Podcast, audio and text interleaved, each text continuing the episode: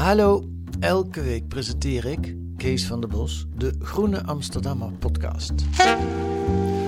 Het is een gesprek met een journalist die die week een spraakmakend artikel publiceert in De Groene. Waarom dit verhaal? Was het moeilijk om het te maken? Wat waren de uitdagingen? Wat brengt het ons? En wie is die journalist eigenlijk? Elke week een goed gesprek in de podcast van de Groene Amsterdammer.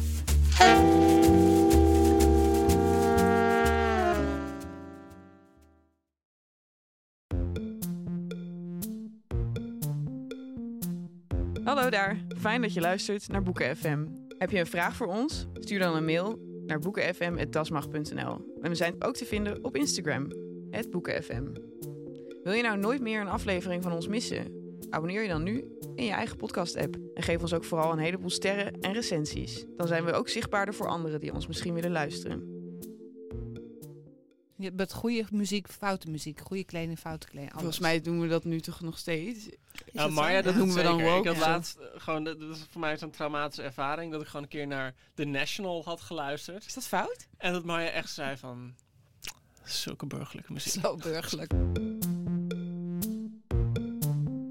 Hallo allemaal en welkom bij Boeken FM, de literaire podcast van de Groene Amsterdammer en uitgeverij Das Mag. We zitten zoals altijd in de studio van Dag en Nacht Media. Vandaag in een andere studio dan gewoonlijk. Volgens mij zijn Deze ze hier... eh, ongeveer. ze zijn echt voor onze ogen aan het uitbreiden, die mensen. Ongelooflijk. allemaal Dat, dat met, is de, eh, toch wat het succes van Boeken FM, dat er nu zorgt Ja, dat zijn ja. hele vleugels erbij Ja, komen. het geld kost in hier eh, stadspanden. tegen Ja. de plinten. Ze gaan ook een, een piano voor ons neerzetten. Eh, ik zit hier vandaag niet in gewone samenstelling, maar wel met mijn twee gewaardeerde collega's Marja Pruis en Joost de Vries. Eh, onze Ellen is uitgevlogen en is aan de andere kant van de zee. Toch? Ja? Ja. Blijft een tijdje weg, toch? Ja, nou, het wordt. we- ja, ze is weer even terug en dan is ze weer even Ah, weg. het is, ze is eh, nogal gaan- een ongrijpbaar figuur in ons leven aan het worden, maar we missen haar heel erg. Ehm, dat betekent niet dat we het niet over een heel interessant boek gaan hebben vandaag. Ehm, en dat is Luister van Sascha Bronwasser. En Joost, jij wilde graag dit boek lezen omdat het met zoveel enthousiasme is besproken in de dagbladen, geloof ik.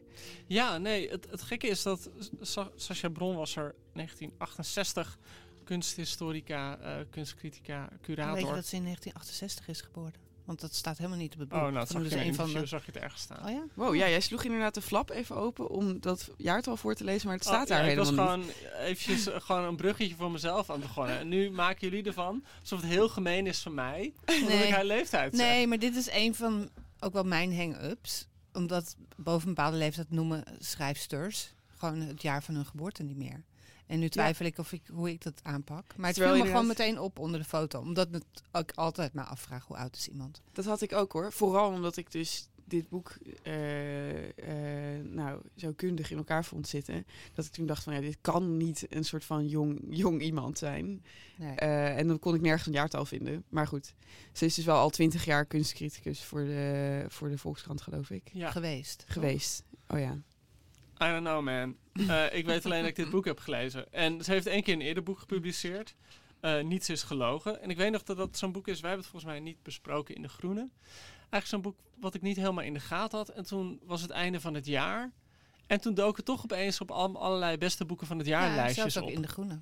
Eh, ja, Nina Nina Weijers, die noemde ja. toen als een van de boeken Ja. van het jaar. Dus toen opeens dacht ik, hé, hey, dit is toch Ja. wel... En toen zag ik dat nieuwe boek uitkwam, was ik afhankelijk gewoon benieuwd naar. Afhankelijk ook niet, want de omslag is echt eh, Ja. ja. niet, niet heel Dat is aantrekkelijk. echt om te huilen. En ik Ziet vind de titel uit. ook niet goed. Nee. Ehm, dit terzijde. Eh Oké, we, hebben nu, we hebben nu over de omslag van het boek gehad, over de leeftijd. Van, misschien wil je nog iets over de haar zeggen of, of gewoon in het algemeen. Maar laten we het gewoon over het boek hebben. Ze heeft een mooi jasje aan. Ze heeft een mooi jasje aan. Eh, en toen zag ik meteen groot aangekondigd vijf sterren in de Volkskrant van Boven Houwelingen. Vier sterren van Thomas de Veen in de NRC. juist. Eerst hadden we de recensie gelezen van onze eigen Kees het Hart. Alleen Ja. is die nog niet geplaatst. Die is nog niet geplaatst. nee, maar dat is gewoon jammer. Want ik was wel echt getriggerd door hoe Kees erover schreef. Want is hij ook heel enthousiast? Heel enthousiast. Maar Kees die heeft echt zichzelf overtroffen. Die heeft een recensie geschreven die gaat over het niet willen schrijven over waar een boek over gaat. Huh? En eh, het is een beetje een meta-recensie. Ik was er wel echt door verrast, omdat Kees ook meteen een soort kritiek erin verpakt op de gemiddelde literaire kritiek, die naar zijn smaak te veel gaat over Het plot. het verhaal. Ja, wat in dit Ja. geval natuurlijk moeilijk is, want er zitten een heleboel hele ja, waar wij nu ook volgens mij straks mee gaan worstelen. Wat Ja. gaan we vertellen over het boek?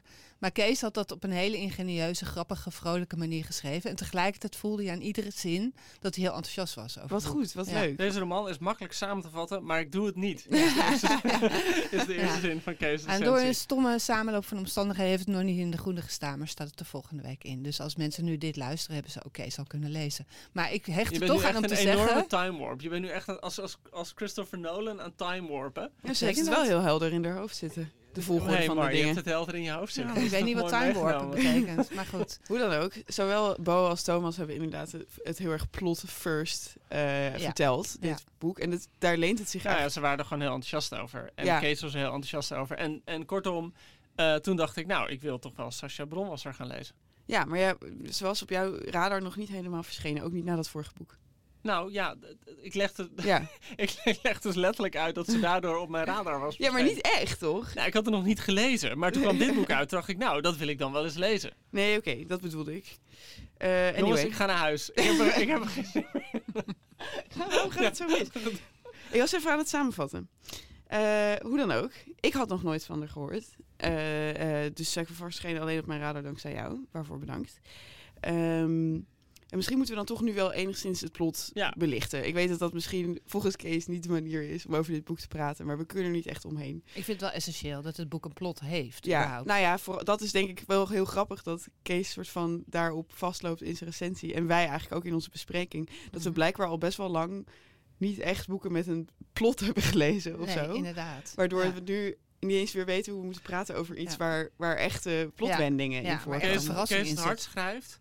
eh, wat gaat er gebeuren? Wat overkomt de personages? Wat is de drive van deze geschiedenis? Wat is het dat me zo wakker hield? Maar ik vertel het verhaal niet na. Met navertellingen van romans moet je als recensent uitkijken. Niet alleen omdat je de inhoud ervan niet wilt verraden, maar de schrijver sloof zich ook geweldig uit om een stijl, een verlangen, een droom zomaar uit het niets tevoorschijn te toveren. En dan valt de recensent het verhaal wel even eh, in zijn of haar eigen woorden samen. Ja, dag, eh, schrijft Kees. Ja. Ja, dag, inderdaad. Toch? En, maar dat is denk ik iets wat jij ook wel hebt meegemaakt, wat ik ook heb meegemaakt. Dat het altijd heel gek is dat in recensies...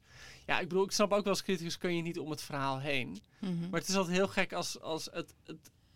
Nou, ik weet niet of het jou is, maar als je zit te schrijven, het verhaal, het plot is maar een klein onderdeel van het schrijven. Maar ja, ik vergeet het verhaal ook heel vaak. Oh, dat heb ik vooral met de namen van personages en Ja, volgorde van Ja. de dingen Ja. en zo. Als ik eenmaal mijn kritiek ga schrijven, dan ben ik ook eindeloos aan het bladeren. Wie was wie, was wie ook alweer? Waar ging het ook alweer om? Ja, ja, ja. Het is niet wat het, wat het meest zich opdringt. Het zijn vooral beelden die blijven hangen natuurlijk. Ja. En dat viel mij ook heel erg op aan de NRC-recensie. De illustratie die erbij zat, was ook het beeld dat ik had onderstreept. Namelijk de platgedrukte hamster in de metro.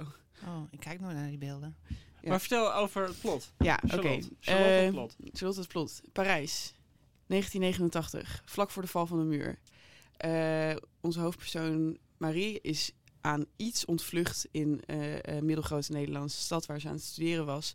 Om nu een nieuw leven te beginnen als au pair in Parijs. En ze komt in een eigenlijk vrij getormenteerd gezin terecht. Waarin ze langzaam de familiegeschiedenis van eh, onthuld krijgt. Door de, het meest getormenteerde gezinslid, de vader Philippe. Ja, daar kon jij al helemaal mee identificeren natuurlijk. Hij lijkt geen sinds op mijn vader Philippe, eh, die toch een vrij zonnige persoonlijkheid heeft. Eh, maar in ieder geval, we krijgen ook een groot deel van de geschiedenis van, eh, van Philippe, die uit een chique Parijse familie komt, krijgen we te, te horen. Daarna springen we weer 30 jaar in de toekomst, waarin hij dus zelf de vader van een gezin is. En eh, een reeks au pairs steeds eh, in huis heeft, waarvan Marie er dus eentje is. En daarna vliegen we weer terug naar Marie's verleden van drie jaar geleden. Van toen ze ging studeren in de middelgrote Nederlandse stad A, ik denk Arnhem. Oh, ik heb de hele tijd zitten denken, welke stad kan dat zijn? Daar heb je toch een... Ja, daar Arnhem moet natuurlijk- dat zijn. kunstopleiding. Ja. Ehm, waar zij een eh, ingewikkelde geschiedenis met een docent eh, achter zich heeft. flow. En we moeten meteen zeggen, dat merk je bij het begin. Het boek, luister, is gericht aan flow. Dus flow wordt de hele tijd aangesproken. Je weet nog wel flow, je weet nog wel. Ehm, en je krijgt inderdaad eerst het hele verhaal van Philippe. En dat is zo'n... Komt uit zo'n typisch gezin, zeg maar de, de hogere middenklasse van Parijs. Zijn vader is eh, een man waarop je staat kan maken. Zoals je dan zo mooi zegt. Het is een, van de post, toch? ja, een hoge ambtenaar, eh, eh, directeur van de post. Eh, wonen in een groot appartement. Het, soort appartement zoals op, Willem W.F. Hermans het heel mooi beschrijft in Au pair. Waar op de bovenste verdieping eh, van het appartementcomplex allemaal zolderkamertjes zijn. Waar dan de au pairs of de huishoudsters wonen. Eh, groot gezin, ehm, luxe, riant op vakantie, kunst aan de muur, niks aan de hand. Eh, behalve dat deze Philippe als klein kind al, ja, hoe moet je dat zeggen, bepaalde buien krijgt. Hij is een peu Hij- nerveus, toch? Hij heeft een hele gevoelige natuur. Ja, Ja, hij heeft een zielig hangend oogje en hij heeft een soort angststuiptrekkingen. Waarbij hij gewoon rampen ziet gebeuren de hele tijd in zijn Ja. hoofd. En zijn moeder denkt dat het komt omdat eh, hun huis op een plaats staat. Of hij is geboren op de plaats waar ooit stierengevechten zijn gehouden. Ja, Er is veel bloed gevloeid. er daar. zit iets mystieks Ja. aan, aan, aan, aan de angsten van de kleine Philippe. Eh, en ja, in de moderne psychologie zou je gewoon denken... kijk, hij is gewoon een soort angstig iemand of zo. Maar in dit boek wordt eigenlijk de suggestie gewekt... dat hij wel degelijk een voorspellende gave heeft. Ja. nou ja, in ieder geval wordt wordt hij het gekoppeld aan, aan, ik bedoel, het beschrijft, eh bronwasser, interessant. We zijn nu veel met terrorisme bezig, of we waren veel met terrorisme bezig. En dan, dan denken we aan islamitische extremisten. Maar er was een tijd waarin er echt veel meer politiek geweld was in Europa. Eigenlijk de jaren 60, 70, 80 waren aan de lopende band kleine aanslagen. En zeker in Parijs eh, was het echt. Dus wordt eh, dat- dat eerste deel, zeg maar de eerste 100 bladzijden over Philippe is gewoon zijn aaneenschakeling van kleine explosies. Eh, halverwege juli 1983 ontploft een bom voor de balie van Turkish Airlines, Orly. Acht doden, 50 gewonden. Ehm, een aanslag op Warenhuis Mark Spencer, 1985, februari 9, aan de Rivoli, eh, een aanslag op de bioscoop Rue Rivoli Beaubourg. Gewoon de hele tijd zijn er kleine aanslagen. Time Magazine maakt een nummer met als cover Paris in Fear. Het zijn allemaal kleine aanslagen, eh, behalve dan klein voor de mensen die eronder lijden. Maar kleine aanslagen, een paar gewonden, een paar doden. Door allerlei verschillende politieke organisaties die in hun stuiptrekkingen verkeren. En eigenlijk groeit die man op en hij begint een gezin met, met dit als een soort van ruis om zich heen.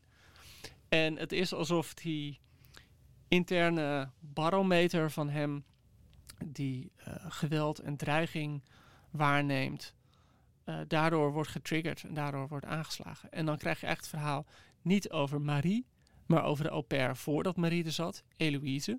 Eloïse Schiller met een naam als een bonbon. Een naam was een Ze mommel. ziet er ook uit als een bonbon. Ja, lekker vlezig meisje. Ja. vlezig, rond, eh, met groot rossig haar, Groene ogen. groene ogen.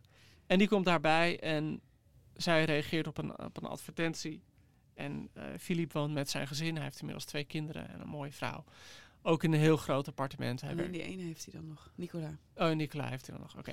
En eh, vervolgens eh, komt Eloïse bij hun langs, belt aan. Philippe doet de deur open, kijkt eraan en valt flauw. Ik wil dat stukje even voorlezen. Vind ik namelijk e- echt een hele mooie. Het is briljant, ja. Eh, ze schrijft: Philippe ziet rossige wimpers boven groenige ogen die naar hem opkijken. Daaronder begint een stapeling van ronde vormen. en dan ziet hij niets meer. Hij zakt in elkaar in het halletje van hun huis. Ja, Ja, hoe kan een ontmoeting verlopen? Ja, het wordt echt zo gesuggereerd. Je denkt hier, er komt, je verwacht hier eigenlijk een vrij voorspelbaar plot. Hij wordt verliefd op de au pair. Hij, en er komt een broeierige zomer aan waarin hij niet van haar af kan blijven. En iets daar- Kortom, Zoals het een, altijd een, lekkere, gebeurt. een lekkere Franse film. nou ja, kijk, omdat er zo nadruk wordt gelegd op een soort van hoe tietig dit meisje is. Het is een tietig meisje. Dan denk je de hele tijd van, oh god, wat gaat hij doen? We hadden tot nu toe heel veel sympathie voor Philippe. Maar nu gaat hij zich vergrijpen aan dit Ja. meisje. En hij lijkt ook een soort van heel erg door haar geobsedeerd en gefascineerd. Hij is de hele tijd naar aan het kijken. Het is echt zo'n man die de hele tijd door de luxe flex naar haar zo... Ja, ja, en hij is Ja. ook een beetje, ja, hij is natuurlijk een beetje donker van, en, ma- en, en mager en een beetje een spook. Terwijl zij een soort van vertegenwoordiging van het leven zelf is of zo. En hij eh, kan niet bij haar uit de buurt blijven, maar het heeft toch niks met seks te maken. En toch heeft hij Nee, ze gaan op vakantie. Zij gaat mee met... met eh, ik vind het eigenlijk wel grappig gedaan dat zij gaat mee op vakantie. Eh, en, en, want, Tot zijn schrik. Want Ja, hij denkt. Hij denkt eigenlijk van, te eigenlijk van haar verlost Ja. te zijn. En dan Maar opeens dan- gaat zijn vrouw ja. vrolijk zeggen van... Ah, Hé, eh, hey, ga lekker mee. mee. En eh, dus zij gaat mee op vakantie naar het vakantiehuis van zijn ouders. Aan de Côte d'Azur. Nou, en daar zit hij natuurlijk weer de hele dag gewoon door de luxe flex zijn. Zit hij gewoon naar het te staren. Eh, en wat, dan, wat ik dan heel grappig gedaan vind, is dat je dan op een gegeven moment één hoofdstuk even krijgt vanuit de pers. En hij denkt de hele tijd van ze heeft niks door, ze heeft niks door. En dan krijg je één even, één, heel even een, een hoofdstuk uit het perspectief van Eloïse. En dan is het gewoon van, oh, waarom zit die gasten hele tijd naar me te kijken? Ja, ja. dat ze het Ja, dan niet eens echt erg vindt vergeleken met de, ja, want zijn vader. gesprekjes ook, toch? Met andere au pairs. Ja, En oh die ja, zeggen, ja. oh, dat is een makkie. Ja, Ik bedoel, precies, precies. Ja, heb je nog niet eens vastgegrepen. Ja, en, en, en er is ook een ander familielid dat soort van zichtbaar aan zijn kruis zit elke Oh, keer. ja, dat die hij, grootvader. Dat hij haar naar Ja, haar kijkt. ja, Dus zij denkt, ja. nou weet je, dat, Ja. dat, dat enge gestaar van Philippe, Ja. dat pik ik eigenlijk Ja. wel. Terwijl echt zo, zo vroegwijze 17-jarige. Ja. Maar goed, we gaan eigenlijk denk ik net iets te diep op het plot in. Ik zou het hele boek willen navertellen. Omdat Ja, Is dat zo? Maar ik denk dat, je, dat we wel één essentieel onderdeel moeten vertellen. Ja. Namelijk een, een plotmechanisme, namelijk hoe het met Eloïse afloopt. Mhm. Want Ja, maar ik wil ook nog eerst even zeggen, want ik vind dat echt heel... Een van de sterkste kanten van dit boek vind ik dat het zo totaal sferisch is. ja. Dat het, het is de hele tijd warm, zo niet bloedheet. ja, en je voelt het echt. Ja. En ik, wil, ik, ik had bij dit stuk, want je, je weet natuurlijk dat dit een flashback is en gewoon een stukje achtergrondinformatie. Maar Mhm. ik wilde er nooit meer uit, uit Nee. die vakantie. Ja, En ik vond het ook uit dat chique familiehuis. Ik dacht echt, oh, geef Ja. me hier gewoon zo'n hele- Chronicles, zeven Ja, boeken wa- wat, ik ook wel merk eh, is, ehm, wat ik heel goed gedaan vind. Bronwasser schrijft heel fijn over Parijs. Ja, Het is Ja. aan de ene kant het Parijs dat je kent, maar het is ook niet het Parijs dat je kent. Het is gewoon een warm, broeierig Parijs. ja. Met vuilnis in de straten en te veel mensen op straat. Mensen die je aanspreken. eh, en, in, in dat, en dan zijn er ook nog eens die terroristische aanslagen aan de hand. Dus het is niet zeg maar het karakteristieke truly madly deeply Nee. Parijs. Het, het is echt een ander Parijs. Het fijne vind ik ook, het is het Parijs door de ogen van een niet-Parijzenaar. Dus die valt ook alle eigenaardigheden op, vooral van de eh Parijse vrouwen. Gewoon hoe dun ze zijn, Ja, ja, nou ja, Laurence is natuurlijk de Parijse vrouw. Ja. Dat is de vrouw van Philippe. Die soort van heel petit is en altijd heel erg nerveus. En aan het kettingroken. En ze is stewardess en ze is altijd heel chic gemanicureerd. Maar, en oh ja, het dat wordt ook heel leuk beschreven trouwens, als hij haar leert kennen. Ja, Want hij komt natuurlijk uit zo'n chique familie en zij is stewardess.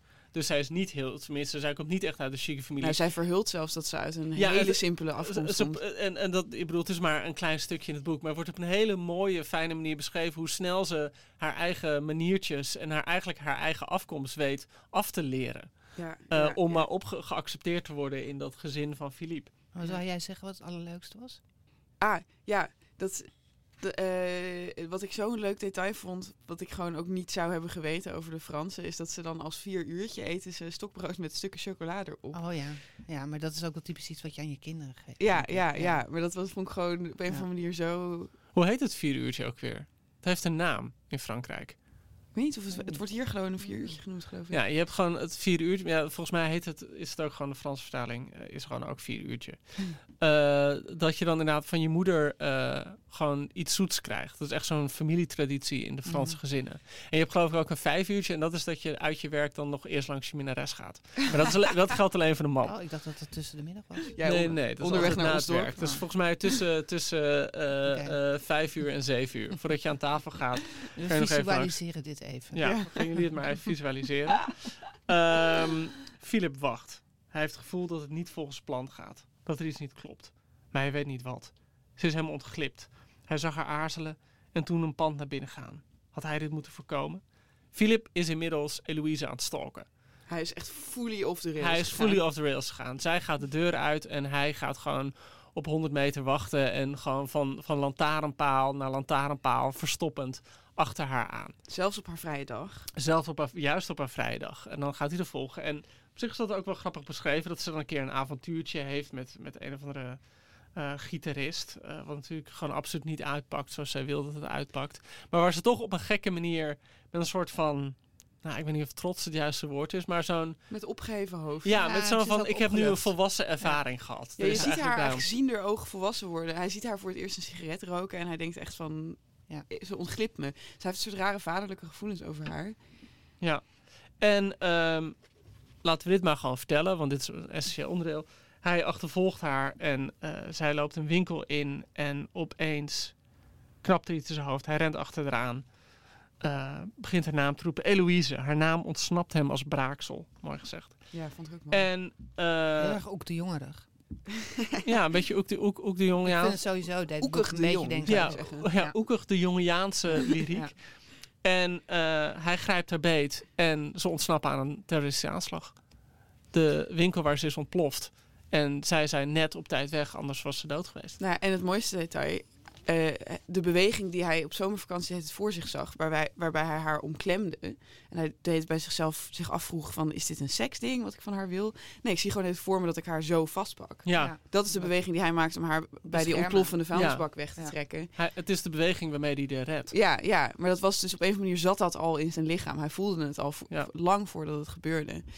Eh, eh, goed, zij is voorgoed doof en verminkt en terug naar Duitsland. Ja. Eh, hij, Back to Germany. en, en eigenlijk komt, komt Marie komt dan erbij als dit een tijdje geleden gebeurd vijf is. jaar geleden gebeurd is. En er is dan heel veel gebeurd in de tussentijd. Dus dat mooie appartement waar ze wonen zijn ze kwijt. Die goede baan die hij heeft zijn ze kwijt. Hij heeft heel lang moeten recupereren, heel lang moeten herstellen van deze aanslag. Maar er is ook iets geknapt in zijn gezin. Omdat In hij in feite heeft laten zien... Ja, ik bedoel, allereerst moet je aan je vrouw uitleggen dat je... eh, Samen met dat meisje. Daar dat was. je Die geen onderbroek aan had, laten Ja. we dat vooropstellen. Ze had geen onderbroek aan, maar het kan de Ze had beste net afkomen. onderbroeken gekocht. Ja, Ja. zo lief In ieder geval- Ja. In ieder Ja. geval, eh, d- d- daar is heel veel gebeurd. Hij is eigenlijk zijn stenen kwijtgeraakt. En opeens weten ze ook dat hij ja, eh, een voorziende blik heeft. Ja, het grappige is dat Laurence, die toch eigenlijk in, in, in Philippe een weg naar de zekerheid en de vastheid en de welvaart zag, helemaal niet van hem hoeft te weten wat voor angsten hij in zijn hoofd heeft en wat voor ga- voorspellende gaven hij heeft. Het lijkt haar niet eens te interesseren of zo. En hij lijkt dan weer op zijn beurt te denken van, dat moet, mag ik haar nooit vertellen, wat er Ja. allemaal in mijn hoofd omgaat. Dus we zien echt zo'n compleet zwijgend, langs elkaar heen levend eh, huwelijk. En daar komt onze Marie aan, groezelig, vanuit Arnhem. ehm, Beschadigd. beschadigd, maar we weten nog niet waardoor. Nee. En zij begint aan een leven in Parijs, waar alles eigenlijk nieuw voor haar is en alles heel erg indruk op haar maakt. En dat zie je heel erg door haar ogen. Dus je bent ook met van die wijd open ogen Parijs tot je aan het nemen. Dat Althans, vind ik ook een van de mooiste dingen. Dat had Hoe- ik heel erg hierin. En zelfs en ze beschrijft bijvoorbeeld na drie maanden daar zijn hoe ze plotseling de taal Ja. tot zich begint te nemen. Dat het echt is, is alsof, ze, alsof er iets open gaat in haar en ze kan ineens alles begrijpen. Ja. Eh, eh, en wat Het een, heft ook haar alleen zijn een beetje op. ja, en wat Ja. een, wat een bevrijding Ja, het dat is is. zo'n fijn moment dat ze dan inderdaad in een winkel is en dan opeens ontdekt vanzelf... hé, hey, wacht, ik heb net een gesprekje gevoerd zonder erover na te hoeven denken. En ze hoort ook mensen praten. Ja, en ze, hoort, ze begrijpt het ook gewoon. Ja. Ja. Ik zat er te denken van, is dit nou een coming-of-age roman of niet? Want we krijgen natuurlijk, als we dan weer terug in haar tijdlijn gaan, krijgen we haar echte coming-of-age als ze net gaat studeren. En toen ben ik toch tot de conclusie gekomen dat het niet een coming-of-age roman is, omdat eh, het heel veel van wat zij meemaakt zich echt extern afspeelt. Het is Ja. niet een zelfverkenning van dit personage. Nee, het gaat over iemand die iets is overkomen. En, zij, en ze is gewoon heel veel dingen aan het doen, zeg maar. Dat Ja. van, en Ja. dat, dat op een of andere manier vond Ja, ik dat dan maar, haak Maar goed, ze komt er in die zin wel sadder en wiser uit. Maar ja, Ja. dat is bijna in elke Volgens mij Ja. hebben we nog niet gezegd dat het boek eigenlijk best een strakke vertelvorm heeft. Het is namelijk gericht aan iemand. Ja, dat vertelde Dat Dat je vertelde ik aan het begin. Ja, Ja. ik bedoel, Ja. het, het- het Ja. Wordt duidelijk, ze richt zich tot Flo. Ja. Maar misschien moeten we nu dan het verhaal van Flo en Marie vertellen. Ja, want hier kom je dus eigenlijk pas heel laat achter. En hè? hier Dus moeten we kijken, bladzijde- hier vind ik wel dat we moeten opletten dat we niet de clue moeten gaan verklappen. Ja, maar ik vind het best lastig Maar je kan om het te niet- we praten kunnen het over niet het boek garanderen. zonder dat... Ja. Hmm. Het interessantste is wel de clue. Misschien kunnen we hier dan zeggen van... Oké, vanaf hier is het echt spoiler Ja, territorium. kun je beter luisteren Eh, als je het boek en dan luister je de andere Ja. helft als je, Het boek bijvoorbeeld ja, als je het boekje, boek hebt gelezen. Wat wij dus, wat je tot nu toe hebt kunnen horen, eigenlijk al zeer aanraden. Ja. Ehm. Spreek voor jezelf, Charlotte Remark. Oké, bewaar, ik, eh, ik bewaar je orde voor het niet einde. zomaar weg. Ik, ja. de mijne, ik ben een open boek. Eh, luister, jongens. Eh, haha. We hebben het eh, nu over eh, het begin van de studietijd van, ehm, van Marie. Eh, die soort van aan haar eenvoudige afkomst eh, is ontsnapt om iets kunstzinnigs te gaan studeren, namelijk fotografie. Fotografie in de jaren tachtig. Maar ja, vertel. De jaren tachtig. ben ik de expert. ja, Lubbers. De Koude Oorlog. Ja. Vertel. Nee, een tijd waarin alles op scherp stond. En waarin je goed of fout was. Dat ben ik nooit meer helemaal kwijtgeraakt. Je hebt goede muziek, foute muziek. Goede kleding, foute kleding. alles. Volgens mij doen we dat nu toch nog steeds. Ja, dat maar ja, dat noemen we dan woke. Ik had laatst eh, gewoon, dat dat is voor mij zo'n traumatische ervaring, dat ik gewoon een keer naar The National had geluisterd. Is dat fout? En dat Maya echt zei van, Zulke burgerlijke muziek. Zo burgerlijk. Een vriendin van mij is ontmaagd op een plaat van de National. Nou ja, Nou, oké. en en hij nou, stond halverwege op om die plaat om te draaien. Oh, een LP-plaat nog. Nice. ja. Ik moet wel bekennen dat ik sindsdien toch wel Oh. af en toe naar de National luister. Oké, maar misschien moeten we even de groeten doen aan die vriendin van je. Nee, maar, Eh, ja, shout-out naar jou. Eh, het is niks geworden met hem, maar eh, dit was een goed verhaal. Ja, ik ben blij dat ze van, die af, van hem af is. ja. Eh, hoe dan ook. Eh, dit soort dingen maak je natuurlijk mee als je heel erg aan het begin van je studerende leven bent. En dan pik je dit soort pretentie nog. En dat zien we ook heel erg in het personage van Marie. Want zij, voor haar is ook de hele wereld van kunst en praten over kunst. En eh, eh, nadenken over kunst en pretentieus doen over kunst is allemaal nieuw voor haar. En zij wordt daar eigenlijk in begeleid door een hele imposante vrouw. Dan al een succesvol fotograaf. En ook haar docent, Flo. Hoe heet ze eigenlijk? Florence. Florence. Florence da Silva. Echt een soort hele innemende vrouw met een kil gezicht en hele coole kleren en een hele grote bos krullen. En eh is iemand die eigenlijk heel veel interesse in haar toont al meteen. Wat ik interessant vind, is dat er in de openingsscène, een soort van proloog, wordt Flo beschreven, zonder dat het ooit duidelijk wordt dat ze een vrouw is. En dan kom ja, je opeens denk je, hey, en denk je, hè? Omdat je, Ja. je ziet, je ruikt al dat er een soort machtsverhouding aankomt. En voor, dan zag ik natuurlijk gewoon een man voor me. ja. Ehm, maar dat blijkt niet zo te zijn. Ja, laat dit een wijze les voor jullie zijn, jongens. ja, het, het is een beetje dat mopje vrouwen- over van, vrouwen zijn oh, net zo slecht als mannen. en van een soort van, oh, de dokter zegt, oh, maar dat is mijn zoon. Je weet wel, dat, Oh, dat, dat, dat, die mopje mop. had Ja, ik een ja, beetje ja. in mijn hoofd. Ik wil Eh, weer een stukje voorlezen, want ik vind dit weer heel mooi beschreven, zo'n ontmoeting. Ja, tuurlijk. Eh, dat ze binnenkomt in een, eh, in een bar, zo na studietijd. En er zit, zit een lange vrouw aan de bar. Een vrouw met een smalle neus, ogen die maar half open staan, in een gezicht van lichte, gladde klei. Ze zit naar mij toegedraaid, in lome afwachting, alsof er zo een voorstelling gaat beginnen. Ze bekijkt me van top tot teen en zegt: Kijk, een leuk verzopen katje. Dit vind ik dus ook weer een totaal Oek de Jong passage. Volgens mij in Hogwarts als kind zit ook zoiets dat hij eh, zijn object ontmoet, Lin, in de toiletten ergens. En dan zegt hij ook zoiets van... Hé, hey, wat ben jij een ding. Ik weet het niet, let- Joost, weet jij dat nog? Een hele gekke uitdrukking. Hij noemt haar een ding of zo. Gewoon, nou ja, zo Ja. totaal objectiveren van iemand. Ja, Zo de, de, de jager ziet zijn prooi. zeker. En ik vind Ja. ook hoe Flo consequent wordt beschreven als hebbend een lemen gezicht. Ja, Vind ik zo ja sprekend. vind ik ook heel sterk. Omdat ze eigenlijk, Ja. dus je ziet er, het is een masker, je ziet er achter. Kijk, dat, als je zegt masker, dan klinkt het dan meteen weer heel banaal. Maar het was, het was, het was intelligenter toen Sascha Bron Ja. het zei. En dan vind ik dus ook heel mooi hiervan dat zij, Marie, voelt zichzelf heel gewoon. Ze komt van buiten, opeens in de grote stad en eh, het, het echte leven. En die vrouw die tilt haar meteen op met haar blik. Ja, Dus dan zegt ze, terwijl ik dacht dat ik bijzonder was uitgelicht werd, bleek ik juist gewoon genoeg te zijn. Ik was perfect normaal. Dus nou ja, er zit meteen zo'n totale machtsverhouding in. Ja, en dan komt beschreven. begint haar meteen aan de ene kant te voeden met, met kunst. En zegt, je moet hier naar luisteren. En je moet eh, deze fotograaf op gaan zoeken. Je moet naar dit museum. En je moet vooral deze boeken lezen. En mochten ze nou wel of niet de Singing Detective kijken? Ja, daar keek ze al naar. Oh, daar keek ze al Ja. naar. Ja, inderdaad. Dus aan de ene kant begint het te voeden. Aan de andere kant... naar. Citizen Kane tijd. moest ze kijken. Citizen ik. Kane moest ze kijken. ja, aan de andere kant begint ze haar eh, ook uit te mergelen. Dus niet alleen voeden, maar ook, want ze zegt ook meteen... Weet je wat je moet doen? Je moet gewoon een beetje afvallen. Dat puppyvet. Dat Dat puppyvet, dat moet er vanaf. ja. Dus het begint ook meteen sturend te worden. Ja, dit was, ik vond ik interessant, want toen ik dat las... En toen eh, Marie dus ook begon te lijnen en dat dan heel obsessief begon te doen, moest ik heel erg met mijn ogen rollen en dacht ik, oh nee, het wordt zo'n verhaal. En had ik eigenlijk helemaal geen zin meer om door te lezen, heb ik Maarten ook geappt. Eh, en toen hield het gelukkig heel snel weer op. Het Ja. bleek helemaal geen anorexia-verhaal te ja, zijn. het, ja, Maar dat was, daar was ik toen ineens heel bang voor. Want dat had ik ook halverwege dat boek van Amy Koopman. Dat ik dacht, ah, nu krijgen we weer dat ding van, oh, intelligente vrouwen die doen zichzelf van alles aan en zo. Mhm. En, dat, en dat, dat vind ik inmiddels, ik kan dat gewoon niet meer een interessant verhaal vinden. En die eh, relatie... Het wordt wel duidelijk dat dat gewoon de primaire, belangrijkste relatie in het leven van Marie wordt. Dus op een gegeven moment is het zomervakantie. Ze, mag, ze wordt de hele tijd op feestjes gevraagd van die Flow. Dat Waar ze dan de jongste is. Waar ze dan de jongste is en allemaal mensen die slimme dingen zeggen. Vindt ze geweldig. Dan is de zomervakantie.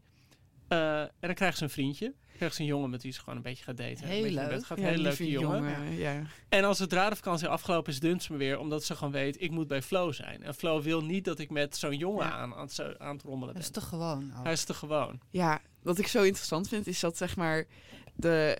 Waar Marie dan heel erg van onder de indruk is, de pretentie van die mensen, is voor de lezer alweer heel doorzichtig of zo. Dat Flo heeft dan een kast met ironische attributen die ze dan verzameld heeft. Je weet wel. Dat, Ja. eh, eh, of ze hebben het dan over, onder de kunstenaars onderling hebben ze het over hun mug job. Dan het kapitalistische baantje dat je moet hebben naast je echte werk. Ja, ja, ja, een soort van kapital, een soort van. Ja, een soort van hele slappe kapitalisme kritiek. Ja. die voor Marie dan Maar wat ik bijvoorbeeld een heel grappig idee vind, is dat, eh dat wordt er mooi beschreven, eh, eh, Marie moet allemaal fotografieprojecten doen. En het begint er dan mee, dat is echt zo'n gruwelijke scène. Eh, dat ze eh, de Oh. beoordelingen hebben. Dan krijg je echt een naar- lijf Ja, echt, ja. echt in. Dus dat is dan zo'n eh, moment dat je je kunst of je, je, je foto's in dit geval moet presenteren aan de docenten. En die gaan dan waar jij bij bent, het gewoon helemaal met de grond gelijk maken. En dat, wat- dat, vind, ik- dat is nog tot daartoe. Maar het ergst vind ik dan dat ze een, aantal studenten erbij pakken. En die moeten dan ook commentaar geven. En je voelt gewoon helemaal, dat zijn van die studenten die allemaal de indruk willen maken op die docenten. Ja. Dus die gaan dan nog, Nog gemeener. harder. Ja. Ja. Eh, dus dan komt er een jongen bij. Eh, hij, heeft een rode, hij heeft rode vlekken op de wangen en volle natte lippen die hij na etentjes overal en nergens opzet. Zijn fotoserie zijn, zijn fotoseries zijn die ochtend afgefakkeld door de commissie. Het is allemaal eh, nogal klein, zegt hij. nogal kleingeestig bedoel ik. Ik begrijp gewoon niet zo goed wat Marie nou wil uitdrukken. Of ze überhaupt wel iets wil uitdrukken. Dat is echt van het kritiek dat je altijd overal over alles kan zeggen. Ja, weet je ja, wel. ja. Het is echt gewoon Ja. omlaag schoppen omdat je bang bent dat je zelf anders geschopt Ja. wordt. Wat mij wel opviel, Maar sorry, wat ik, wat ik nog even wilde om een punt af te maken. Wat ik dus Mhm. heel grappig vind, is als ze dan later een andere serie begint. En daar wel succes mee heeft. En wat is die serie? Ze maakt foto's van haar eten. En dat vond ik zo grappig, want nu doet elke Mogol. Op Mag ik Instagram. zeggen, maar op Instagram maakt dan foto's van zijn eten. En dat is gewoon Mhm. hoe de cliché eh, influencer zijn, zijn timeline vult. Maar op dit moment doet iemand dat en vindt iedereen dat helemaal nog verfrissend en, Ja, en, en nieuw. kunstig. En kunstig. Ja. Wat ik echt een soort tijdsbeeld vond, is dus deze manier van kritiek geven op een kunstopleiding. Dat bestaat geloof ik niet meer in, op deze manier. hard- Want er wordt, zij Ja. zegt expliciet van dat je, dat je niet geacht wordt in gesprek te gaan tijdens die beoordeling. Dus je zit zelf zwijgend achter je werk. En je laat het allemaal over je heen komen. Ik kan me niet voorstellen dat dat nu nog wordt gedaan. Dat wordt denk ik altijd als, als veel te kwetsend gezien. Ja. situatie. Ja, en ze zegt later ook over de opleiding Frans. eh, zegt ze dit. Deze uren waren de beste. Ik hield van het fanatisme van deze leraren, van hun toewijding aan de taal en hun minachting voor wie dat niet met hen deelde. Wij, wie wij waren, deed er niet toe. Niet wat we achter de rug hadden, niet wat onze ambities waren. Er was geen overlegmodel, er was geen enkele interesse in ons, niet eens geveinsde. Het enige wat ertoe deed was ons absorptievermogen. En dat vond ik, dat, dacht Ja. van, ja, dat bestaat niet meer. Nee, Ik- nee. Dat is, ik bedoel, die master die ik halverwege Ja. heb, afge heb afgekrapt, daar moest ik gewoon alleen maar met mijn medestudenten praten over hun innerlijke leven. Dat, eh, ja goed, dat was even een stuk, stukje nostalgie van mij. Ik was er natuurlijk niet bij in de jaren tachtig, Een maar... stukje nostalgie naar 2019 of zo. Ja, ik Nee, vond als deze in, ik heb dit dus nooit meegemaakt. Ja. Ik, heb alleen maar, ik ben alleen maar doodgeaaid op de universiteit. Ja, ik Dus- vond deze situaties allemaal totaal herkenbaar. Ik was gewoon ook, naar mijn gevoel, iemand van buiten. En dat ik heel erg gevoelig ervoor was van, oh ja, hoe moet je je gedragen? En ik had ook een docent eh, die, eh, nou ja, over motieven gesproken. Die dus mijn eerste werkstuk over wat de motieven waren bij Couperus. Van oude mensen, kleine dingen. Kleine dingen. al die kleine... Kleine dingen die voorbij gaan. die eh, nam mijn werkstuk als voorbeeld voor hoe het niet moest. Oh my god. Ja. Ja. Ja. maar het grappige is dat ze ook vertelt dat als jouw werkstuk wordt gebruikt als voorbeeld van hoe het wel moet, dat je dan alleen maar de haat van je medestudenten Ja, over je heen krijgt. ja. Dus het is ook sowieso niet goed. Maar het haalt wel het beste in haar naar boven. Hm. Nou ja, ik denk ook dat het een hele competitieve ehm, sfeer creëert. Ja, En daar valt ook iets Ja. voor te zeggen. nou ja, dit Ik is- bedoel, als je allemaal een medaille krijgt, ja, dan krijgt gewoon niemand een medaille. Mhm. ja, we komen nu wel op een soort heel fundamenteel boomer talking point. Eh, eh, of je zeg maar wel of niet hard, een harde en competitieve sfeer moet creëren in de creatieve Ja. Wereld. Maar ik, ik zag dit en ik dacht, ah, had ik maar zo'n opleiding genoten. Nou ja, Mhm. goed.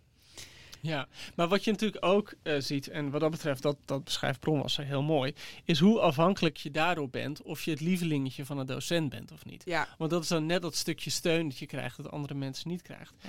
En voor haar is Flo dat helemaal. Flo is gewoon, ze, ze is eindeloos met Flo aan het bellen. Flo wil alles van haar weten. Iedere avond belt Elke ze avond belt Ja. ze met Ja. haar. Eh, ze krijgt boeken in de brievenbus. En je En, merkt natuurlijk, en dat wordt op een hele mooie manier beschreven, eigenlijk is eh, Flo, niet te missen, Marie heel erg aan het groomen. Ze is haar heel erg aan het manipuleren. En je weet gewoon, ze gaat op een iets. dag misbruik maken van de situatie. Maar ik En wist dat niet. Sascha Bronwasser beschrijft dat voor mij echt... Ik weet niet, voor mij was het echt misselijkmakend om te lezen... hoe ze die, al die jonge vrouwen zo manipuleert. Omdat ik echt de hele tijd dacht van... Waarom heb ik dat gewoon niet gedaan? Met al die stagiairs bij de Groene Amsterdammer. Ik had er gewoon een hele generatie doorheen kunnen jagen. Ja, En ik heb het gewoon niet gedaan. Het is echt bovenmenselijke ik prestatie. loop hier ook elke vrijdag ongeschonden weg. Ja, ja, nee, ja, we zitten in kleine hokjes met elkaar. Gordijnen blijven gewoon open. Maar oké, Ja, ik voelde dat, dat groomen dus eigenlijk niet zo. Omdat je ook vanuit Marie te horen krijgt. Marie zegt gewoon volgens mij op een gegeven moment letterlijk... ik was wel toe aan een nieuwe versie van mezelf. Ik Ja. wilde mezelf verbeteren. ze laat zichzelf maken. En Nee, maar je zij weet die natuurlijk... flow ook maar, gewoon maar dankbaar. om- door hoe het verhaal is opgebouwd.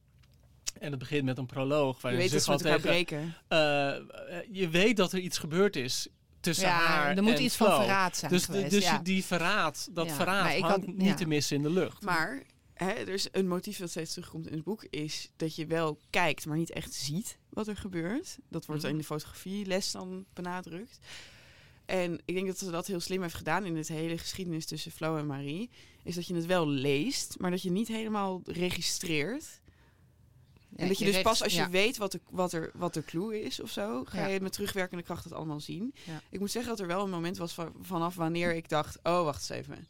En ik denk dat het is op het moment dat Robbie vlak tegenover het huis, Robbie is de huisgenoot van Flo, of de huurder van Flo's zonder, dat Robbie vlak tegenover het huis van Marie ineens een project heeft. Oh, ja. Toen begon bij mij een belletje te rinkelen. Ik wist nog niet wat voor belletje. Voor mij ging het belletje rinkelen eh, toen ze de uitnodiging kreeg dat Flo opeens een nieuw boek af had. Oh, maar helemaal aan het einde pas. Nou ja, eh, ik bedoel, dan weet je gewoon. En, en zeker, dan beschrijft eh, Marie echt zo van: Oh, leuk. Ik dacht, laat ik mijn ouders meenemen. Dan denk je echt zo van: Oké, nou, jij bent nu echt je hoofd in de guillotine aan het steken. Nee, maar in die zin, en dat is wel een van de moeilijke dingen. En ik, ik, kan er, ik kom er niet helemaal uit wat ik daarvan vind, hoe ik daarover voel. Is er wordt natuurlijk zo nadrukkelijk ergens naartoe gewerkt. Ja, En het gekke is van zo'n plotmechanisme, en ik weet niet helemaal hoe je daar onderuit kunt komen, dat het daardoor altijd een beetje tegenvalt. Want oh, De- bedoelt. er wordt zo naar een clue toegewerkt dat er komt die clue dan, oké, de clue kan, kan origineel zijn of niet, maar het is niet meer verrassend, want je weet gewoon dat die clue komt. En, tegelijkertijd, kant, je kan niet die opbouw doen en dan geen clue hebben. Dus ik had een heel dubbel gevoel eigenlijk over het hele deel tussen eh, Marie en Flo. Eigenlijk vond ik daarom was ik meer gehecht aan het eerste deel over Philippe, omdat het gewoon onbestemd bleef, Ja. veel meer. En zij ook als het ware door eh, toeval overvallen werden, Philippe en Eloïse en Marie die er later bij komt. Terwijl dit natuurlijk eh, als een speerpunt ergens naartoe werkt. Maar het verhaal van Philippe en Eloïse ook. Want je weet dat hij... Hij heeft, Nou ja, tijd- nou hij heeft ja. het gevoel dat haar iets ellendigs Ja, maar hij weet het zelf niet. En dan ontploft ze. En kijk, ik bedoel, het mooie van het eerste verhaal voor mij is dat Philippe ook niet weet wat er aan de hand is. Nee. Dus er is, wel een, er is wel een soort clue, maar die overvalt hem ook. Terwijl bij het verhaal van eh, Flo en Marie Is Flo de dader? is Flo, is er, if- Flo's perspectief zie je niet. Nee. Dus je hebt geen idee wat er in haar omgaat. Je weet alleen, je hebt Marie, het naïeve kalf. en die is gewoon op weg naar die slagbank. Die wordt Ja. gewoon Vitella Tenato. Ik moet zeggen dat ik wel de clue, toen ik hem eenmaal dacht door te hebben inderdaad. Toen, hè, zij is onderweg naar, naar de eh, presentatie van Flo's nieuwe boek. Eh Flo die bekend staat om haar intieme portretten. Eh, eh, en die eh, soort van schijnbaar onmogelijk dichtbij komt in de levens van mensen. Dan denk je ook al van, oh wacht even, ja. Ehm, had ik niet kunnen voorzien hoe ver ze daarin was gegaan. En dat was dus toch mij, voor mij wel nog een grote verrassing of zo. Ja, ik vond het ook eigenlijk erger of schokkender dan ik had gedacht. Ja, ja. Ja. Want wat blijkt, hè? Gaan we het nu echt verklappen? we hebben toch spoiler warning gegeven? Oh, maar ik geef nu gewoon nog een keer die spoiler warning. Voor de mensen nu. Dat ze nu gewoon eventjes eh 10 Nou, seconden de tijd het- hebben om te Ja, besluiten. maar je kunt het ook wel iets algemener beschrijven. Want eigenlijk als wij gewoon zeggen, ze wordt gewoon een kunstwerk. Ja. Dan is Ja. dat toch eigenlijk is dat gewoon het verhaal. Ja, wordt- eigenlijk, ja. ja. Pygmalion-style wordt Ja. zij, blijkt zij al Ja. die tijd al niet een intieme vriendin, niet een protégé, niet een geheime liefde te Maar een zijn, projectje. maar een project. Juist. Een project dat nu ten einde is. En Ja. dat is voor haar Dus haar perfecte normaliteit was gewoon eigenlijk eh een inzet. blanco Ja. iets blanco voor. scherm, Ja, ja, ja. Tabula rasa. Een tabula rasa, Nou en dat wil ik dan toch nog even zeggen. Het is, ik vind het een heel mooi thema, dit. Ik vond het ook niet de clue van het boek. Dus wat dat betreft vind ik het ook helemaal niet erg om dit te zeggen. Er zit nog een andere clue aan het boek, wat alle verhaallijnen bij elkaar brengt. Ja. Daar had ik meer moeite mee. Maar dit vond ik wel echt mooi. En dit is heel erg ook het verhaal, bijvoorbeeld wat Claire Messuut vertelt. Ik weet niet, Joost kent het boek. Ja, The Woman Upstairs. The Woman Upstairs. Heb niet niet? Dat is gelezen. precies ook dit verhaal. Oh, dat wist ik Ja, niet. gewoon eigenlijk zeg maar een normale vrouw die geobsedeerd raakt door een kunstenares. En die kunstenares geeft haar ook wel aandacht terug. En dan blijkt ze uiteindelijk ook misbruikt te worden in een kun- als kunstwerk. Het wordt ook ik vond, heel slim, wordt het soort van van tevoren al geplant, dit zaadje. Want ze krijgt in een, van de eerste fotografielessen. leren ze over een fotoproject van iemand die een, een gewone man is gaan Oh, volgen naar Venetië. En hem met lange afstandscamera's is gaan fotograferen. Ja. Joost. Merel is er niet. Oh, Maar omdat ik Merel dacht al, wat is ze stil. Ja, nee, het is Ah. ook, je, je kijkt er over erheen. Ehm, maar, we hebben wel een vraag. Beste Boek FM. Ik luister altijd heel graag naar jullie. Geen podcast is zo knus als Boek FM. Ben je dit nu aan het verzinnen? Nee, dit staat er echt. Eh liefst met een wit hartje eronder. Eh, jullie waren net te vroeg met jullie Roald Dahl podcast. Maar misschien is dat een interessantere vraag om verder te bespreken. Wat vinden jullie van sensitivity readers? Liefs, Floris. Floris. Eh, ja, dit is wel een soort van actuele vraag natuurlijk. Misschien niet meer wanneer de podcast verschijnt. Het gekke is met, met Roald Dahl. eh, Loes Rijmer had er ook al over geschreven. Eh, ik had groot over Dahl geschreven nog voordat deze hele affaire begon te spelen. Ik heb heel veel van die aanpassingen in de tekst zitten bekijken. En dan zie je dus inderdaad dat het niet allemaal censuur is. Bedoel, het idee is natuurlijk dat, er, dat, dat woorden als dik en lelijk zijn geschrapt. En dat er dingen zijn toegevoegd. eh, dat dat hè, de heksen zijn kaal. En dan wordt er is opeens toegevoegd van. En er zijn zoveel redenen waarom vrouwen kaal kunnen zijn. En daar is niks mis mee. En ze zijn geen typistes meer, maar Ja, wetenschappers. Top, top, wetenschappers ook meteen. Dat ik echt denk, de drempel wordt nu meteen heel... Eerst lag je gewoon laag bij secretaresses. En nu is het gewoon topwetenschappers. Ja. Weet je, wel? het is gewoon, je mag als vrouw niet meer wetenschapper worden. Nee, je moet echt die Vidi Vidi Vici beurs moet je krijgen. Anders van... Maar goed, heel veel van die teksten die, er, die gewijzigd zijn, zijn ook taalkundige dingen. Dus een bijzin is, die, wat, wat eerst in een bijzin zat, is nu bij de hoofdzin betrokken. Passieve zinnen zijn actief gemaakt. Er zijn ook woorden als, zeg maar, immediately is dan vervangen door quickly. Dat vind ik Dus- echt bijna erger dan een sensitief. Ja, dus eigenlijk zijn, zijn er ook heel veel, alsof ze bijna gedacht hebben van lezers worden slechter, slechtere lezers. het niet meer We moeten het makkelijker maken. zin. Zo voelde het ook een beetje. Nou, dit is wel letterlijk de waarheid, toch? Dat kinderen van nu kunnen hebben gewoon een beperktere woordenschat dan ze deden toen het boek verscheen. Ja, maar Ja, wat maar een ja, beetje dat- een kip of het ei kwestie. Ik Ja. bedoel, je, hou alsjeblieft die boeken gewoon Nee, dat klopt helemaal. Ik bedoel, het zijn. punt is dat als je die taal van kinderboeken nog makkelijker gaat maken, dan ga je dus ook die woordenschat niet Ja, verbreden. was het ook dat ze nu bijvoorbeeld het woord kamermeisje gingen veranderen in werkster of zo? Ja, dat was Dat er ook vind ik zo erg. Ja. Ja, je, laat mensen dan gewoon even kamermeisje Ja. opzoeken. Dus ze hebben nu Ja. alle, eh, alle woordenboeken hebben ze gewoon. Moeten we dan eigenlijk ook zeggen dat eh luister van Sascha Bronwasser gekuist moet worden, omdat alle au pairs meisjes zijn? ja. Eh, ja, en alle nee, mannen. Maar in ieder geval, eh, eh, die sensitivity readers. Kijk, stel, ik heb, ik heb er dubbele ervaring mee. Eh, eh, Misschien moeten we eerst even definiëren wat dat is. Want volgens mij is een sensitivity reader doet in principe niet dingen op het niveau van leesniveau van kinderen aanpassen, maar gewoon die is dan goed ingewijd in alle politieke gevoeligheden en wijst de auteur erop van hé, hey, wij zeggen nu niet meer Eskimo, wij zeggen nu Inuit. ja, en ik zei net eh Mongool en dat mag je eigenlijk ook niet zeggen. Nou ja, en als, stel je voor dat jij dat dan niet zou weten, dan zou een sensitief, dan zou Merel in dit geval zeggen: hé hey Joost, niet om het een of ander, maar dat woord gebruiken we niet meer. En dat, zou, dat is dan de functie van een sensitivity Ja, reader. is, noem je Merel nu onze sensitivity Ja. listener? Dat is ze zeker. Behalve die ene keer dat ik iets schandaligs zei en dat ze het er niet heeft uitgehaald. Oh. Geef je haar nu de schuld van, van jouw foute, foute taalgebruik? Die slechte grappen van je? Nou, eh, Charlotte, vertel het nog maar Ja, een keer. zeg Wat zei je? Nee, niet wieder. Ehm, maar dat, dat is toch in principe de functie van een sensitivity reader. Ik vraag me, ik, ik, ik eh, eh, en, het, en daar kun je denk ik geen bezwaar tegen hebben als het is voor, voor in het aanloop naar publicatie er iemand overheen gaat, is dat toch niet, dan is het niet een problematisch iets, lijkt mij. Maar, zou ik dan willen zeggen, eh, het moeilijke natuurlijk van sensitivity readers is dat ze een gemene deler zoeken. Eh, ze, zijn, ze passen de dingen in een mal. Dus stel, alle boeken worden door dezelfde sensiti- sensitivity readers gelezen, dan worden het ook allemaal dezelfde boeken. Omdat overal de scherpe randjes eraf worden gedaan. En ik denk dat het heel goed is als je een boek schrijft, dat iemand het met zo'n blik leest en jou dwingt om na te denken. Heb je alle woorden specifiek zo gekozen? Is dit echt je bedoeling? En dat je daarna zelf de keuze maakt of je het houdt of niet. Dus in principe is zo'n extra leesronde zou niet slecht moeten zijn. Maar stel, alle boeken worden gelezen en alle foute grappen worden eruit gehaald. Of alle uh, gemene opmerkingen. Dan krijg je dus ook dat alle boeken een beetje dezelfde smaak worden. Het is ook een beetje alsof je uit het kruidrek de chiliflakes weghaalt. Ja. ja, ik heb ook echt ik heb toch het gevoel, meer in het algemeen, dat via de verkeerde uh, ingang wordt er iets geprobeerd op te lossen, frictie. En ik denk, hoe kan het überhaupt? Waarom zouden mensen nu gevoeliger zijn dan 50 jaar geleden? Ik begrijp het gewoon niet. Dat zijn ze denk ik niet hoor. Ik denk niet dat kinderen nu slechter tegen dingen kunnen dan ze vroeger. Nee, maar, maar waar moeten we tegen beschermd worden? Dat is ook het interessante met Roald denk ik. Dat al die stukken die ik erover gelezen heb, zijn allemaal geschreven door mensen die zeggen... ja, mijn kinderen vinden het vreselijk, maar ik vind dat niet meer... Of mijn kinderen vinden het geweldig, maar ik vind niet meer dat het kan. Terwijl die boeken zijn geschreven voor die kinderen. Ja. Ja.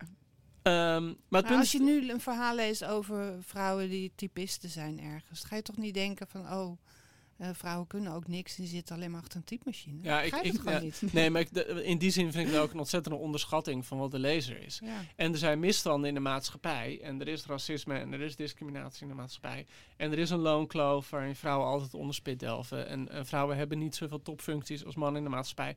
Maar dat lost je niet op de Roald Dahl te veranderen. Nee. Het is een symptoom van een symptoom van een symptoom. Het, het, je bent dan niet de oorzaak aan het aanpakken. Dus het voelt voor mij niet nodig. Maar is het, was het van oorsprong het reduceren van frictie dat de uitgeverij op het oog had?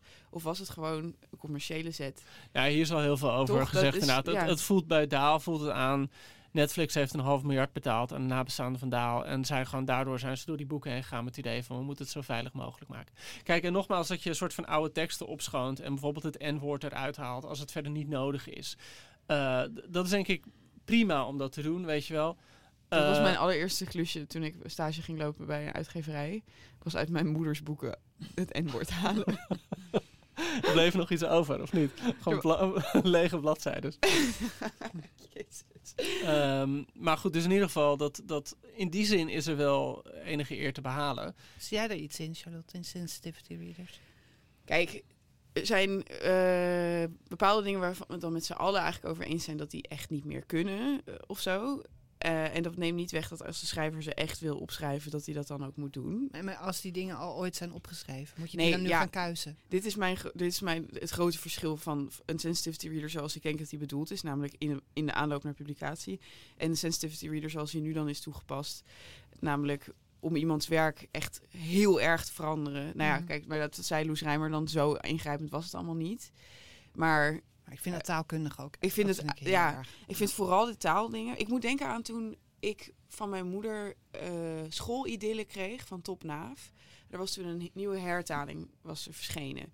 Waarin dan uh, woorden zoals nou, kamermeisje of antimacassar of dat soort dingen, die werden dan uitgelegd met, uh, met asterisken en, en voetnoten.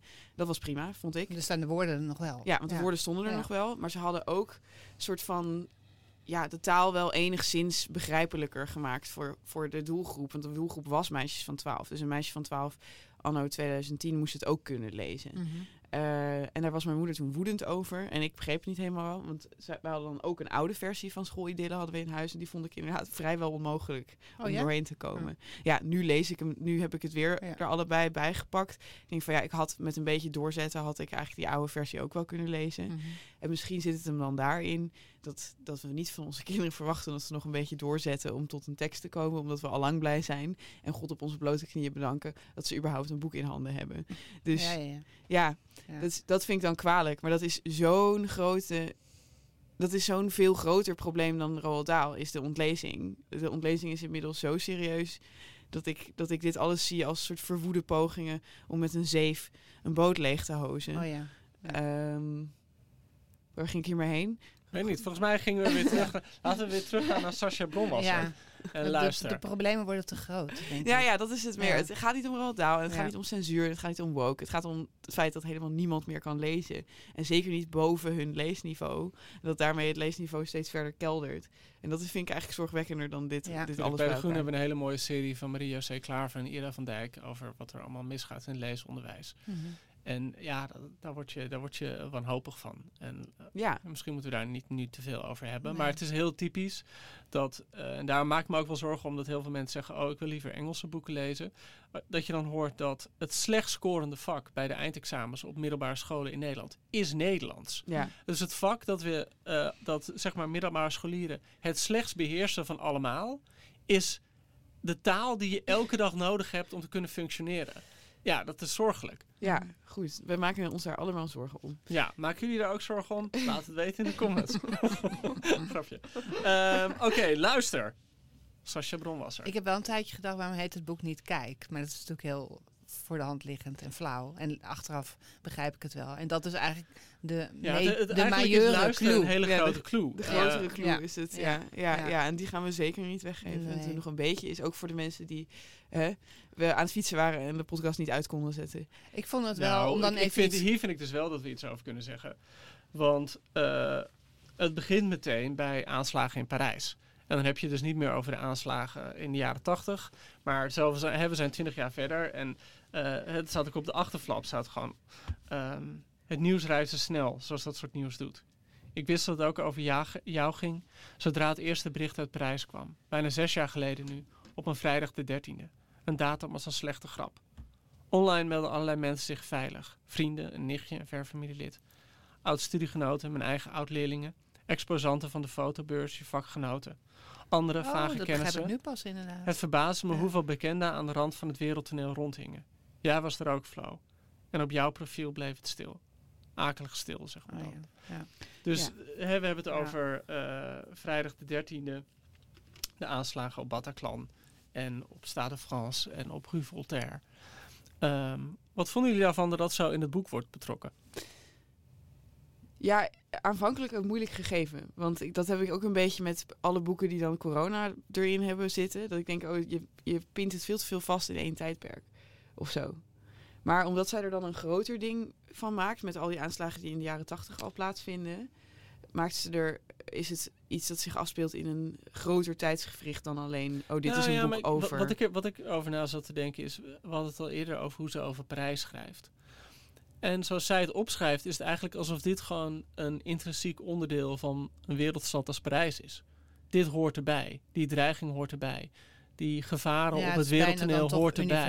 Het zo, is ja. eigenlijk universeel. Het is eigenlijk niet per se iets van deze tijd, het is iets van alle tijden.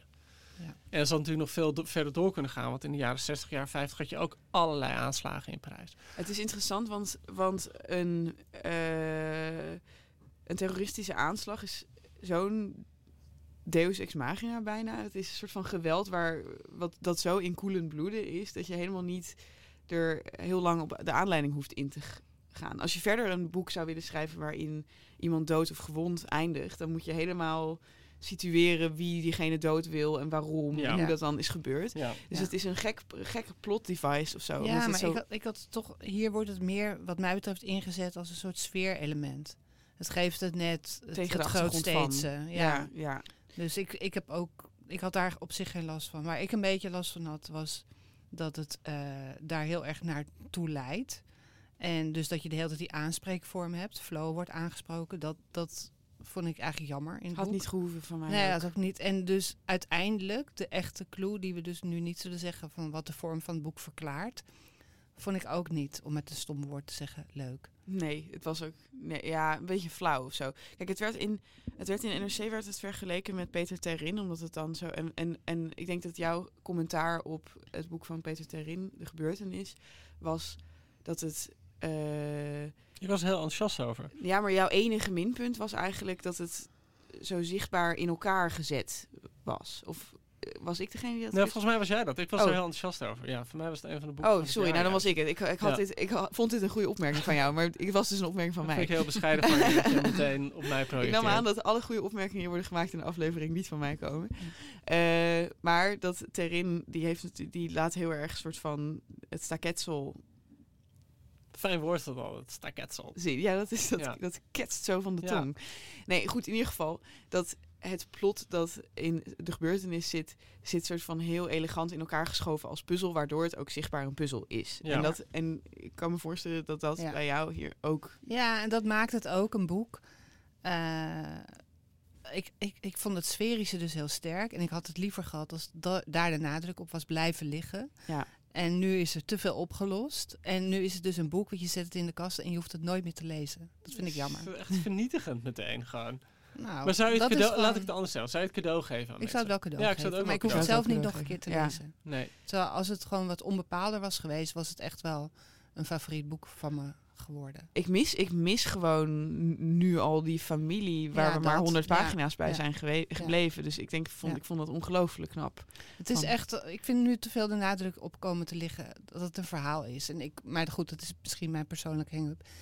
Ik heb gewoon eigenlijk geen zin in die verhalen meer. dat is interessant. ja, Want een, een, groot, een grote kritiek die nu op dan de, of nou nu al tien jaar wordt geleverd op debuutromans, is dat er zo weinig plot in zit. Dit is geen debuutroman natuurlijk, maar eh, hedendaagse romans. En dan is dit een roman met heel veel plot. Ik vond dat een verademing. Eh, terwijl ik hou ook eigenlijk heel veel van eh, een beetje meanderende sfeerboeken. Maar omdat ik dus toch blijkbaar al een tijdje, en misschien wel sinds, sinds de nieuwe Jonathan Franzen, niet zo plot, Ja, ik had- ik had ook- had gelezen. sinds lange tijd had- was dit voor mij ook een boek wat ik elke keer oppakte, waar ik ook was. Of ik onderweg was. Of Ja, eh, Ja, gewoon ik, spannend. het ik ging was, slapen, ik, volgens ja. mij de vorige opnames van eh Boek FM was ik, was ik ziek, zat ik er met Ja. koorts. En toen ben ik naar huis gegaan. En toen, omdat ik me niet helemaal lekker was, kon ik niet slapen. Dus toen heb ik tot één uur heb ik gewoon dit boek zitten Ja, lezen. en Toen zo'n bijna boek uit is het. ook gewoon. Ja. Dus de doorleesbaarheid dus- is ook een en- goede kwaliteit Heel van het boek. En, ja. en zeker voor mij die eerste helft vond ik echt nog het interessant. Ja, die tweede eigenlijk ook wel. Maar inderdaad, voor mij had het boek minder eh, naar elkaar toegebracht moeten worden, Ja. kunnen worden. Ja? Eh, en, en voor mij is... Maar dat, dat is eigenlijk wat ik net ook al een beetje beschrijf. Het feit dat er zo'n clue aankomt... eh, en ik snap ook wel dat dat boek een ontknoping moeten hebben... en dat je wil dat iets ergens naartoe wordt gewerkt. Maar het feit dat er zo nadrukkelijk die clue aankomt... Dat, dat stuurt je leeservaring al heel erg. Waardoor Ja. het ook niet meer... Het is, weet je wel, als mensen tegen je zeggen van... Oh, je bent die serie aan het kijken. Oké, er zit op een gegeven moment... Ik zeg niet wat, maar er zit een enorme plot twist in. Oh ja. Dat is al een spoiler, omdat je dan weet dat er een plot twist komt. Eh, en, en dat je denkt, ja, oké, het zal wel niet zijn moeder zijn, weet je wel. En, eh, eh, maar eigenlijk zijn zus. En dus, dus in die zin heeft het boek iets hardhandigs, hoe dat narratief naar elkaar toegeduwd wordt. Ja. Ja, vind ik jammer. Ja? Ja, Ja. ja. ik vond het dus net jammer. Voor mij had het minder gehoeven. Wat niet wegnam, eh, dat ik het dan ook wel weer goed gedaan vond. Ik bedoel, het, er zit een hardhandigheid in. Eh, zoals een, een slager een stuk vlees opensnijdt. Maar ja, het is wel netjes gesneden. En het is wel... ehm, Het is met smaak gedaan. het is met smaak gedaan. En het- finesse ook hoor, want ik, Ja. ik, ik vergeleek het een beetje met, eh, nou, wat ook ook een vrij plotrijk boek was dat net verschenen is, is De Beesten van Gijs Wilbrink.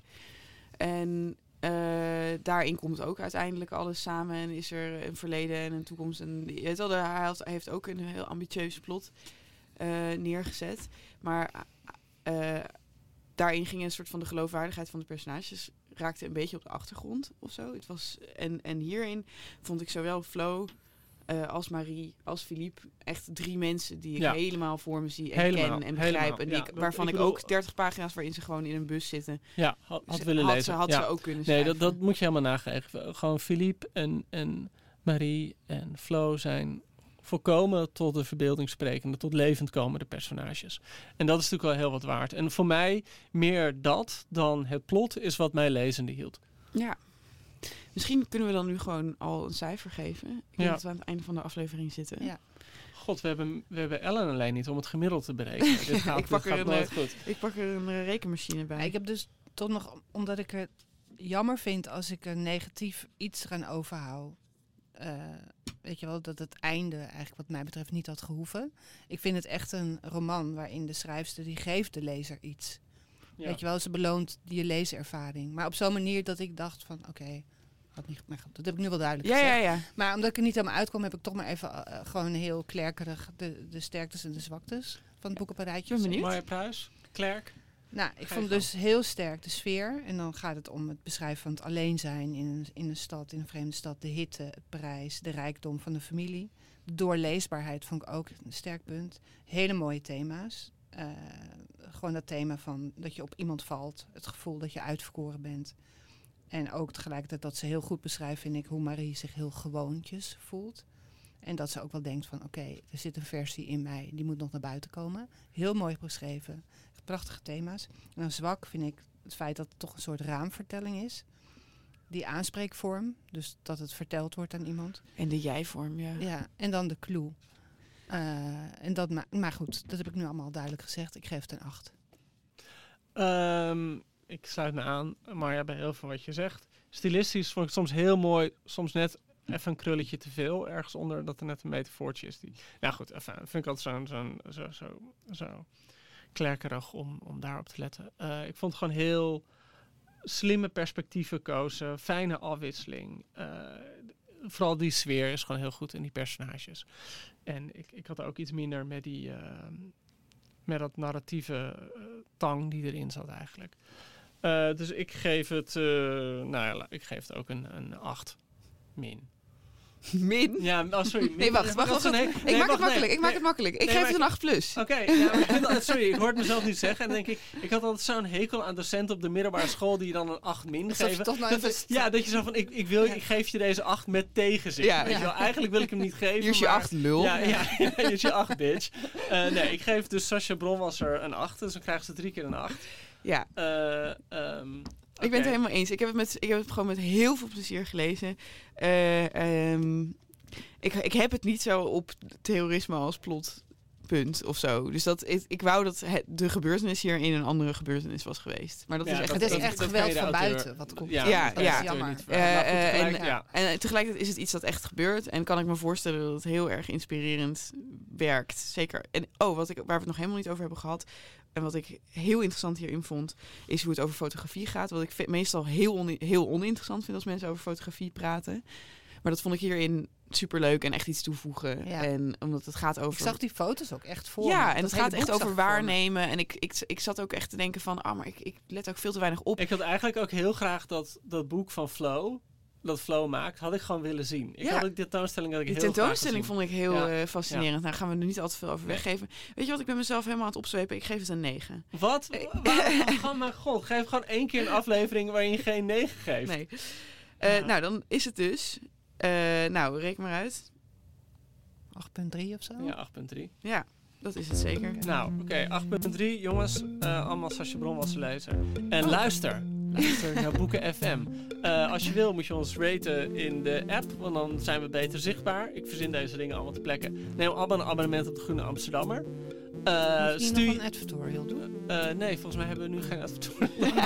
Oké. Ik wil nog maar eentje verzinnen of zo. Ja, Eh, eh, dat neem allemaal een abonnement op de Groene Amsterdammer. En dan Winkel kan je bij nog veel meer lezen. Luister ook wat Kees het Hart heeft geschreven op de site van de Groene. Of op in, de, in de Groene zelf, maar je kan het online terugvinden. Eh, als je vragen hebt, vinden we het heel leuk. Stuur ze naar boekenfm.dasmag.nl Marja Pruis, heel erg bedankt dat je er weer was. Ja, ik vond het À leuk. la prochaine.